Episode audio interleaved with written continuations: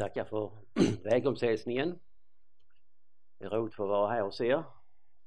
Det är två år sedan sist kommer jag väl ihåg. Ja. Så att det, det blir spännande att få vara med på ert möte här ikväll och se vad Gud han har att säga. En viss bävan för ämnet och om jag har landat rätt vet jag inte riktigt. Det, det är ett stort ämne och ibland är det självklara saker med men ändå inte så självklart faktiskt. Det är inte det. Vi, fin, vi finner inte det här någon, det svaret Gud ger, det finner vi inte någon annanstans. Att vi av nåd får vara frälsta. Det finns inte i, i någon annan i någon annan religion mer än i kristendomen. Att Gud förlåter syndare av bara nåd. Men så är det. Vi kan väl börja med att be tillsammans. Herre, så vill vi vara samlade inför ditt ansikte. I, I ditt namn och enligt dina löften. Vi ber här att du ska tala till oss. Du ser vi behöver det Herre. Vi behöver det för vår invärtes människa. Vi behöver det för att bli räddade en gång undan vredesdomen. Herre, du ser din skapelse. Du ser människorna, du ser hur vi lever. Du ser hur, hur hat och oförsonlighet och, och så mycket ondska som råder. Och ibland tycker vi kanske att vi står utanför detta men jag är inte så ond och jag är ju si och jag är så. Och vi tänker kanske inte på att att även mot en normal svensk och skötsam familj med mor och far som går till jobbet och sköter sig varje dag även över, över den familjen så ligger vredesdomen om vi inte omvänder oss till dig. Vi ber här om din heliga närvaro. Vi ber om din heliga Ande att du ska komma nära och tala till oss. Du ser här, vi behöver det. Vi förstår inte det av oss själva och vi tar inte det till oss. Vi bryr oss egentligen inte om inte du gör det aktuellt för oss. Var du med så som bara du kan.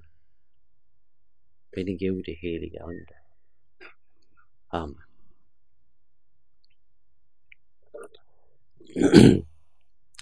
eh, utgångspunkten eller texten jag tänkte läsa det är från Efesierbrevet 2 och jag läser där från vers 1 till vers 10 i Jesu namn.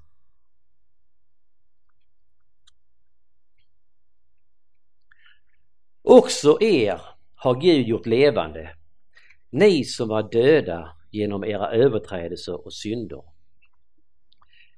Tidigare levde ni i dem på den här världens vis och följde härskaren över luftens välde.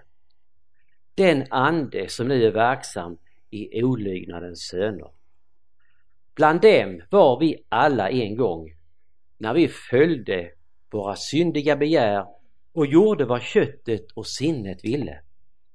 Av naturen var vi vredens barn, vi liksom de andra.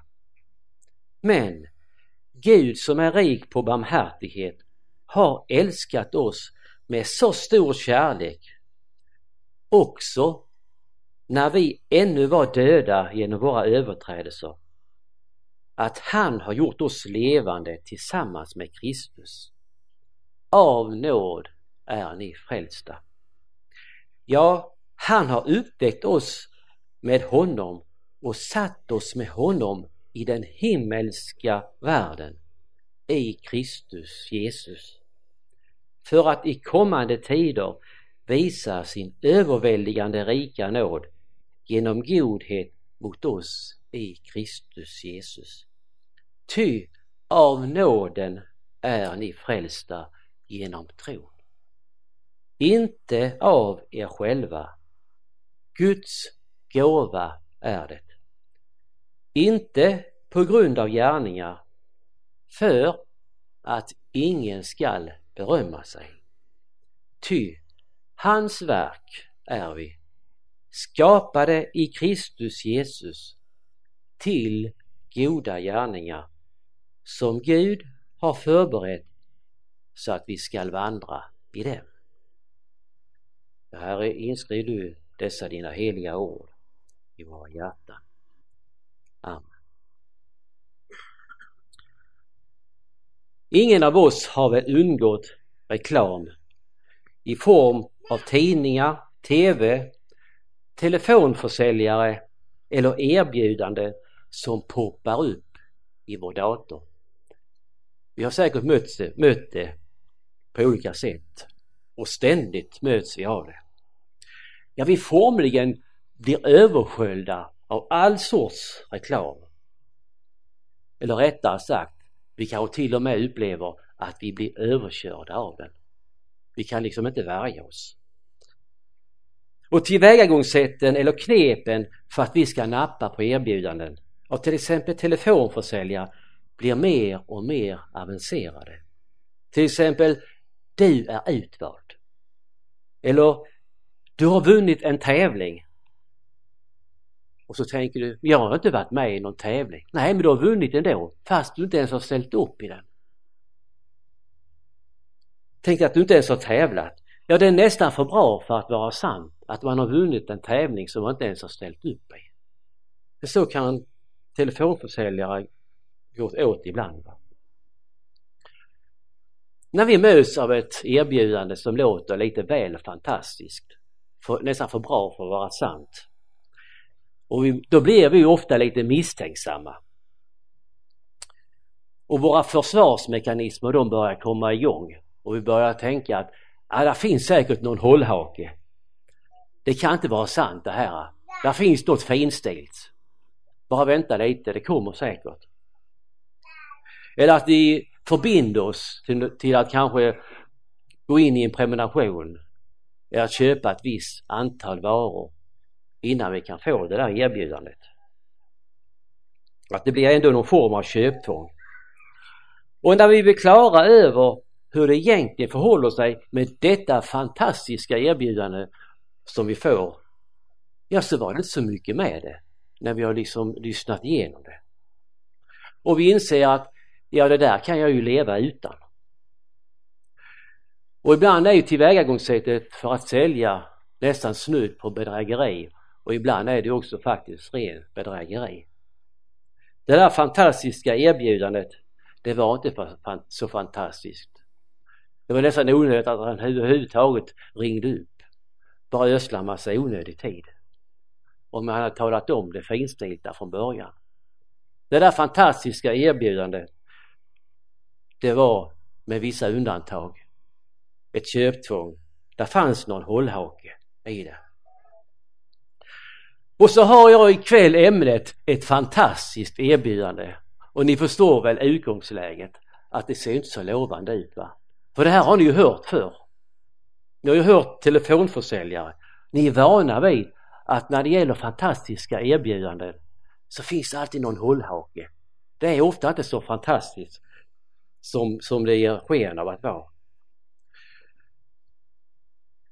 Och då är det inte självklart att vi tar det till oss även om det har andliga förtecken. Det är inte det. Och med tanke på hur stressade vi är, vi, vi nutidsmänniskor, och livet rusar på och vi är upptagna av allsköns teknik. Och så rycker vi kanske bara på axlarna och fnyser. Vem orkar bry sig? Jag har ju hört det förr. Jag kan det där. Vem, vem tar sig tid till det här? Vi har ju hört telefonförsäljare. Och så har vi ämnet ikväll, ett fantastiskt erbjudande. Ja, där finns säkert en hållhake där med. Vem orkar bry sig? Och så stänger vi till. Och så lyssnar vi kanske inte längre. Men hur du och jag än har det i våra liv och hur vi än upplever tillvaron så ska vi ändå försöka göra, ska vi ändå göra ett försök och se lite vad det handlar om, detta fantastiska erbjudandet. Att detta fantastiska erbjudande, det handlar om livets yttersta mening och mål. Att det handlar om en kunskap och insikt som totalt förändrar våra villkor som människor. Att det handlar om från död till liv, från att vara vredens barn till ett Guds barn. Från att leva efter vår syndiga natur och efter våra begärelser till att gå i gärningar som Gud har förberett.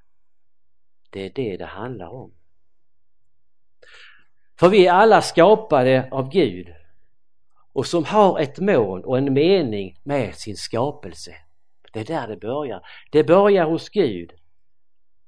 Och han har en mening och ett mål med sin skapelse.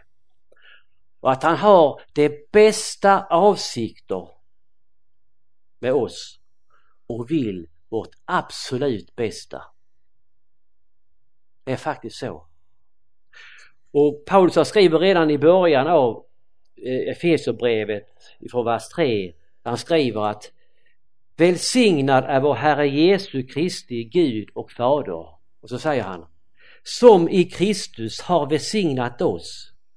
Med vilken välsignelse då? Jo, med all den himmelska världens andliga välsignelse.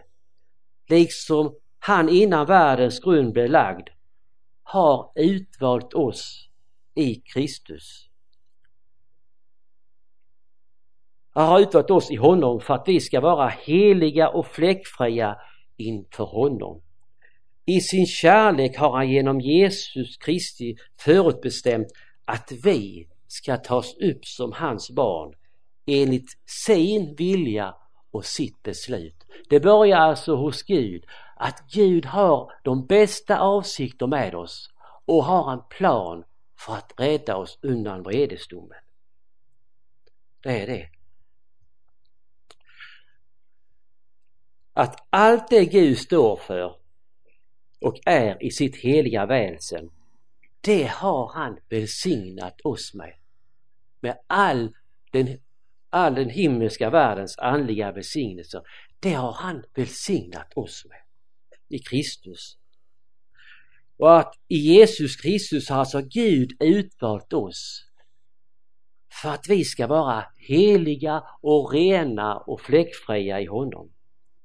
Det betyder att Gud har bestämt om oss att vår synd och vår skuld den ska tas bort ifrån oss. Den ska inte finnas där längre. Det är det Jesus han gjorde på korset.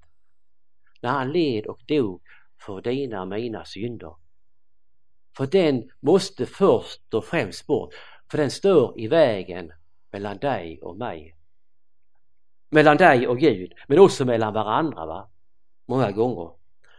Med hat och oförsonlighet och mycket sådant. Allt det som har liksom kommit upp som en skuld inför Gud, den bar Jesus upp på korset i vårt ställe. Och eh, Paulus skriver det oerhört eh, tydligt när han skriver i Kolosserbrevet om, om den skuld och det skuldebrev. där Han skriver i Kolosserbrevet 2 och vers 13 och 14. Han skriver Ni som var döda på grund av era överträdelser och er oomskurna natur. Också er har han gjort levande med Kristus. Han har förlåtit oss alla överträdelser och strukit ut det skuldebrev som med sina krav vittnar mot oss. Det har han tagit bort genom att spika fast det på korset. Jag vet inte vilken, eh, hur du upplever dig själv eller upplever tillvaron eller hur du har det eller hur du ser på dig själv eller andra ser på dig. va. Men hur det än har gått för dig i livet, i vilken situation du än är i, hur djupt du än har fallit, kanske på ett sådant sätt så att du till och med föraktas av andra människor och de ser dig som ett hopplöst fall. Och du ser ner på dig själv. Och du ser mycket som, som är där som du, inte, som, som du kanske inte alls är så stolt över. Du vet själv vad det handlar om. Men oavsett vad du bär på som människa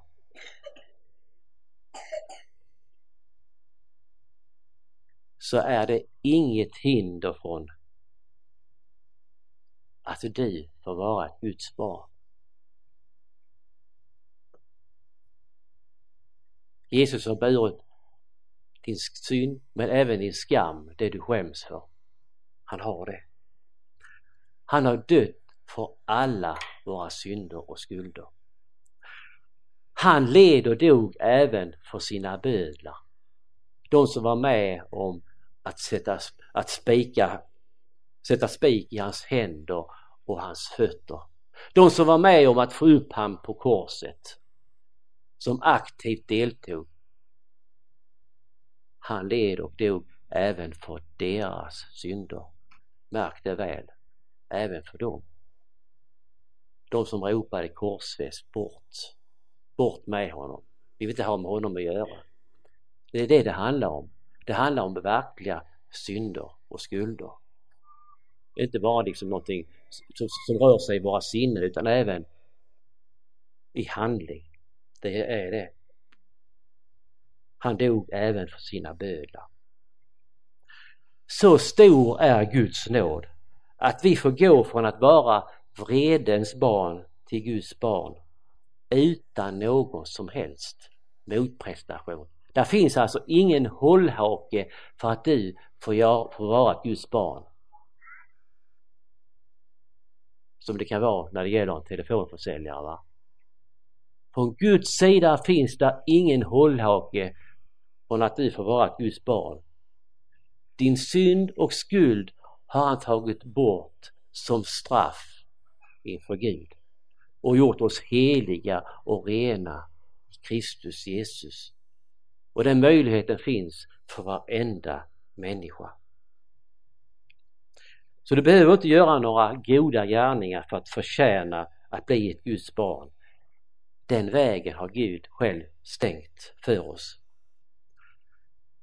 Istället handlar det om att tro, eller med andra ord att ta emot Guds erbjudande om förlåtelse och evigt liv genom Jesus Kristus. Det handlar om, att ta emot gåvan sådan den är och sådan den erbjuds. Att jag som, som bär på så mycket synd och skuld, att jag får ta emot förlåtelse och nåd från Gud för precis allt. Även det jag skäms för och även det som andra människor hakar upp sig på och som kanske tycker att jag är ett hopplöst fall. Men inför Gud är du inget hopplöst fall. Han har tagit sig an många hopplösa fall, var så säker. Han vet vad det vill säga. Han har erfarenhet av att, ta, att ha att göra med hopplösa fall. Han har att göra med mig. Jag skulle också vara ett hopplöst fall om inte Gud hade kallat mig genom sin nåd. Det är egentligen den enda anledningen att jag är här, att jag själv har fått upptäckt detta. Annars kunde jag ju syssla med någonting annat. Och jag är inte heller värdig att vara ett Guds barn. Jag är också av naturen ett vredens barn. Men det är genom Guds nåd och hans barmhärtighet och hans förlåtelse som jag överhuvudtaget kan prata någonting om detta och nämna något om det.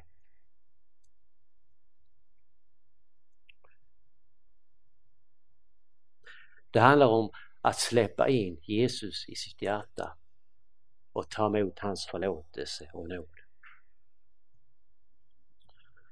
Så när vi tar emot Guds erbjudande om förlåtelse och nåd från Gud, att vi säger ja till Guds kärlek i våra liv, så sker det samtidigt någonting. Det sker någonting. Vi går alltså från att vara av naturen vredens barn till att bli Guds älskade barn. Att vara Guds barn det innebär att vi går från döden till livet.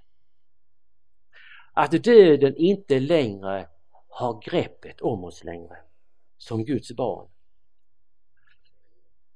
För vi har del i Kristi uppståndelse från de döda. Och vi ska bli lika honom en gång. Vi ska alltså slippa se döden i all sin hemskhet. Hur fruktansvärd och hemsk den är ytterst sett, den slipper du och jag se som ett Guds barn. Vi gör det. Döden sätter inte definitivt punkt för vårt liv utan Gud har gjort oss levande tillsammans med Jesus. Så som Jesus uppstod från de döda så ska vi som Guds barn uppstå med honom. Vi har alltså övergått från döden till liven, livet. Vi är inte vredens barn utan Guds barn genom tron på honom och vad han har gjort för dig och mig. Och detta alltså av bara nåd utan någon som helst motprestation. Att du liksom skärper till dig och nu gäller det liksom att det här är ju för fantastiskt, här gäller det ju att ta sats va. Så kan vi ju uppleva det att men det här är ju jag inte värdig, här gäller det ju liksom, jag måste ju ändå vi, vi är vana vid detta att efter en bra karl reder sig själv. Jag måste ju ändå göra någonting för att liksom förtjäna det. Nej, stopp där. Frälsningen är gratis. Där får du inte lägga till någonting av ditt eget. Gud har satt stopp för gärningarnas väg. Han vill bara se dig i Jesus Kristus. För i dig är bara i honom som du är helig, ren och fläckfri i Guds ögon. Märk det väl, bara i honom du är det. Det är därför det är så viktigt att du tar emot Jesus i ditt liv så att Gud kan se dig som sådan. Va? Så att han ser dig som helig, ren och rättfärdig. För annars förbliver du ju ett vredens barn om inte detta sker. Gud har alltså gjort oss levande tillsammans med Jesus. Och ur döden reser sig alltså en ny skapelse efter Guds goda vilja. Där hans goda vilja fullt ut råder och ingenting som är märkt av död eller förgängelse finns. Du och jag får alltså vara fullvärdiga medborgare i Guds rike på grund av Guds barmhärtighet genom Jesus Kristus och vad han har gjort för oss och vad han har gjort för världen. Märk väl, vi blir fullvärdiga medborgare. Vi kommer inte till himlen liksom som ett B-lag om ni förstår rätt va? Utan vi är fullvärdiga medborgare i Guds rike genom Jesus Kristus. Och det är något fantastiskt va? Det är otroligt att vi är fullvärdiga medborgare i Guds rike. Men Guds nåd det är inte någonting passivt, liksom bara en skrivbordsprodukt. Guds nåd är samtidigt en verksam kraft. Den förvandlar och upprättar en människa. Guds nåd är någonting som skapar och ger liv. Det är någonting aktivt och skapande. När du och jag öppnar vårt hjärta och bjuder in Jesus i vårt liv och tar emot hans kärlek, då får vi samtidigt också en ny Herre. Vi får det. Och genom att vi tar emot Jesus, om du och jag tar emot Jesus i vårt liv och har honom som Herre, då kommer också syndens makt och de här som har med dina begärelser att göra kommer att få sig en knäck. För du har nu en ny Herre. Du har det. Och vi erkänner samtidigt också vårt beroende av honom. För det finns ju ingen mening att ta emot Jesus som sin Herre och Frälsare och leva om nåd och samtidigt välja någon annan att följa. Va? Det är ungefär som att gifta sig och flytta in till grannfrun. Lika tokigt är det. Om ni förstår mig rätt. Att jag lovar att vara trogen min hustru men eh, det är grannfrun jag egentligen flyttar in hos. Alltså ni, det blir ju helt det blir ju helt konstigt ju. Det är den jag lovar trohet som jag ska leva ihop med. Om då Jesus är din Herre, då är det också för honom du ska följa, tjäna och lyda och inte någon annan. Och därför behöver vi alltså erkänna vårt beroende av honom. Och för, Paulus han formulerar det så träffande när han på Aropagen i Grekland uttrycker sig att det är i honom, alltså i Jesus, som vi lever, rör oss och är till. Det är alltså i Jesus som du och jag har vår sanna existens. Det är där vi är människor så som Gud hade tänkt det ända från början. Det är det. Det är där vi har, vi har vår djupaste längtan, vår hunger och törst och det är hos honom vi blir mättade på djupet. Det är, det är faktiskt så. Det är först när du tar emot Jesus som din Herre och Frälsare som din själ får ro och du får frid och du blir mätt till din själ. För du har tagit emot honom och den ende som kan mätta dig och mig på djupet och släcka den törsten som Gud har lagt ner i varenda människa.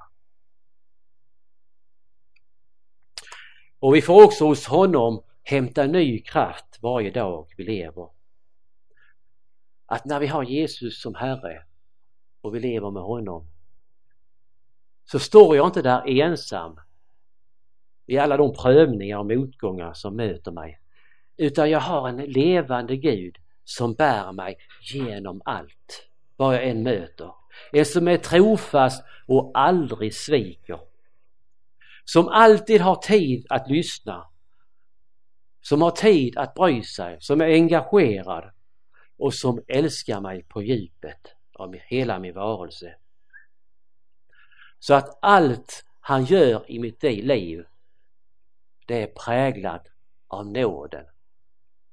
Även när det gör som mest ont att vara människa, när jag kanske känner att jag fostras hårt av honom, så är grunden ändå denna från hans sida att han gör det av nåd.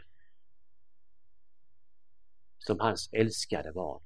Och, och Titus han skriver ju i, eh, om detta va, om hur nåden fostrar att Gud, han, att det handlar om nåd när han fostrar oss.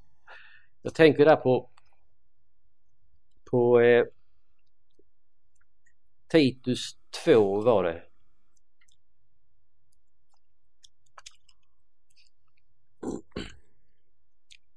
Där han skriver att, för vers 11, Ty Guds nåd har uppenbarats till frälsning för alla människor.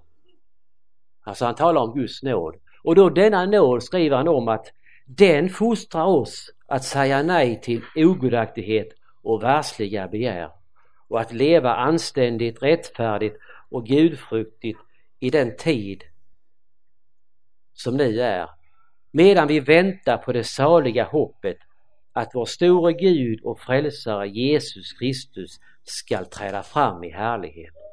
Han har offrat sig själv för oss för att friköpa oss från all laglöshet och rena åt sig ett egendomsfolk som är uppfyllt av iver att göra goda gärningar. Det är alltså Guds nåd som fostrar oss till detta att säga nej till våra begärelser som finns i våra liv och som fortfarande finns där förstås. När du och jag tar emot Guds nåd och förlåtelse så renar alltså Gud oss från all synd och all skuld. Den finns inte, vår synd och skuld, den finns inte nu som skuld inför Gud. Den har Jesus tagit bort. Och Gud tar därmed också ansvar för din frälsning. Han är den yttersta garantin för att det är det här som gäller. Det är så det är. Och det är så Gud ser det. Han tar ansvar för detta fullt ut när det gäller din frälsning. Det ligger på en säker plats. Den är tryggt förvarad hos Gud, din frälsning, när du har tagit emot Jesus Kristus. Eftersom Gud har godkänt det Jesus har gjort så godkänner han också dem som har tagit emot honom i sina liv. därför ligger denna frälsningen tryggt förvarad och du kan med stor tillförsikt bygga din frälsning på Jesus och hela ditt liv och med allt vad du är som människa. Det får du bygga på honom. Han tar alltså ansvar för din frälsning undan vredesdomen. Och den frälsning Gud han ger dig, den är fullkomlig. Du behöver inte lägga någonting till eller dra något därifrån. Och du varken kan eller får göra det. För i honom är du helig, ren och rättfärdig. Och det är genom Guds nåd som han nu fostrar dig och mig till att göra upp med synden i ditt liv. I det som liksom vi står Gud emot och som ännu finns där. När du liksom känner dessa spänningar va. Och som är så, så påtagliga ibland. Och där framförallt dina mina begärelser eh, sticker fram och vi gärna vill på nytt få makt över oss och på nytt binda oss. Det är det begärelserna går ut på va. Att vi ska tappa fokus från Gud och se våra begärelser som någonting nödvändigt och följa dem. Och i den kampen, den klarar vi inte utan Guds hjälp. Du klarar inte kampen mot dina begärelser och mot synden i ditt liv utan att leva i nåden. För det är Guds nåd som fostrar dig att säga nej till dem. För när du genom Guds nåd får se vad du äger i Jesus Kristus. När du får se hans kärlek och hans förlåtelse och vad han har gjort för dig och vad det har kostat honom att betala din synd och skuld. Då ger det också ett motgift mot dina begärelser när du lever i och av nåden. För motgiften mot begärelserna det är ju att leva nära Jesus genom att du och jag överlåter våra liv i hans händer. Va? Att vi, vi erkänner vårt beroende av honom, att Herre jag klarar mig inte utan dig. Ska jag bli frälst och räddad så får det ske på dina villkor. Och ska jag bli bevarad så är det bara genom din, din nåd. Alltså vi, vi erkänner det som Gud gör för oss och handlar med oss. Och så får vi också erkänna vårt beroende av honom. Och så kan vi också med förtröstan och, och med tillförsikt överlåta våra liv i hans händer. Och det gör du ju och det gör du också genom att vara beredd att gå i gärningar som han har förutbestämt för dig. Du får gå i beredda gärningar, skriver Paulsson.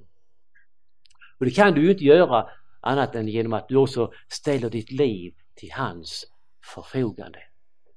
Jesus han har ju offrat sitt liv för dig. Nu vill han att du ska använda din tid i tjänst för honom. Inte för att betala av liksom för, för någon, för, eh, för frälsningen att du liksom skulle vara bättre eller sämre människa eller, eller att det har med det att göra. Utan det handlar ju om att du har ju fått en ny Herre i ditt liv och du har sett vad du äger i Jesus Kristus. Det är det det handlar om. Och det handlar ju också om att du frivilligt, av fri vilja vill tjäna honom.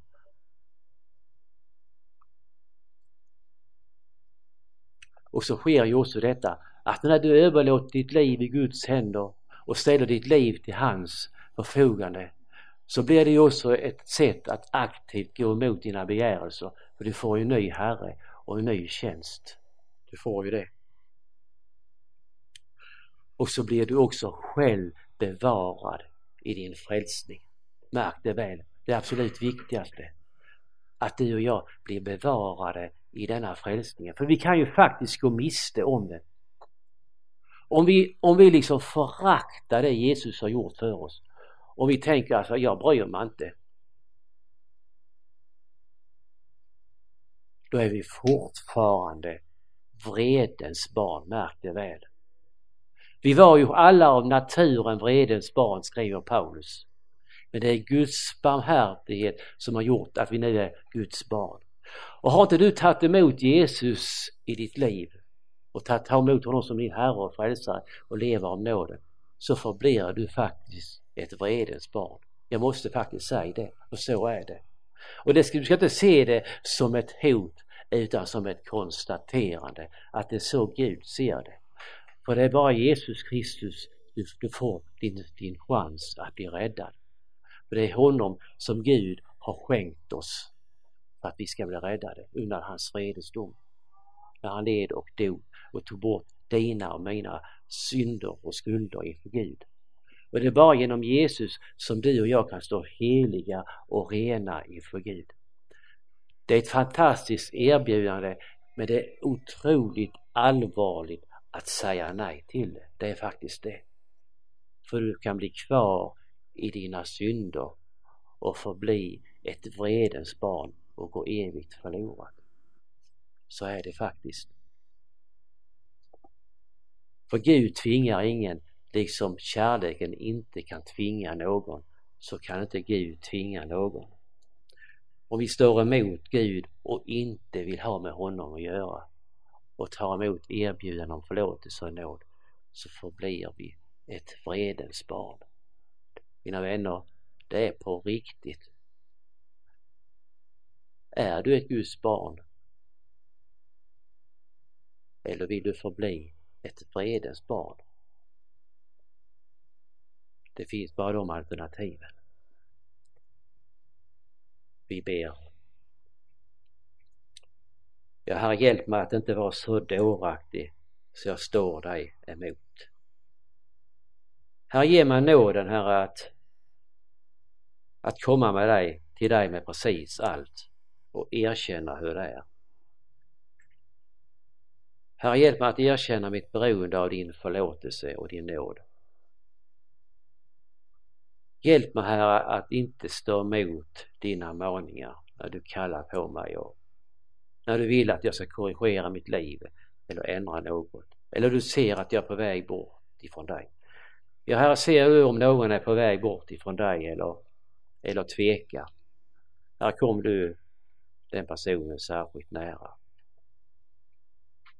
Jag ber att du ska röra vid oss, att vi inte går härifrån utan, utan att förställs inför detta fantastiska erbjudande. Att det finns förlåtelse för precis allt. Även för vår otro. Och det finns förlåtelse för den människan som har kanske stått emot dig kanske större delen av sitt liv. Men här är... gör den personen medveten om att det kan stå emot dig alldeles för länge och gå miste om detta fantastiska erbjudande. Man visste om vad det handlade om men man tänkte kanske att inte nu. Jag har så mycket annat, jag har andra saker som är viktigare. Det finns så många andra fantastiska erbjudanden. Det här kan jag låta vänta. Herre, hjälp oss Herre att tänka rätt i de här sakerna så att vi tar sakerna från rätt, från rätt håll. Att vi tar emot det erbjudande som handlar om evigt liv framför allt. Det som handlar om detta att vara människa och det som vi djupast sett behöver. Och det erbjudandet som kommer från Gud och som varar i evighet. Vi ser här att och vet att många av de erbjudanden vi får här i världen de ska tas ifrån oss. De har ofta inte så stort värde som vi tror. Men det erbjudandet du kommer med, det varar i evighet. Det ska aldrig tas ifrån oss. Utan det ska vi få ute fullt ut en gång hemma hos dig. Besigna oss Herre så som bara du kan. Besigna var och en av oss med din gode helige Ande. Amen.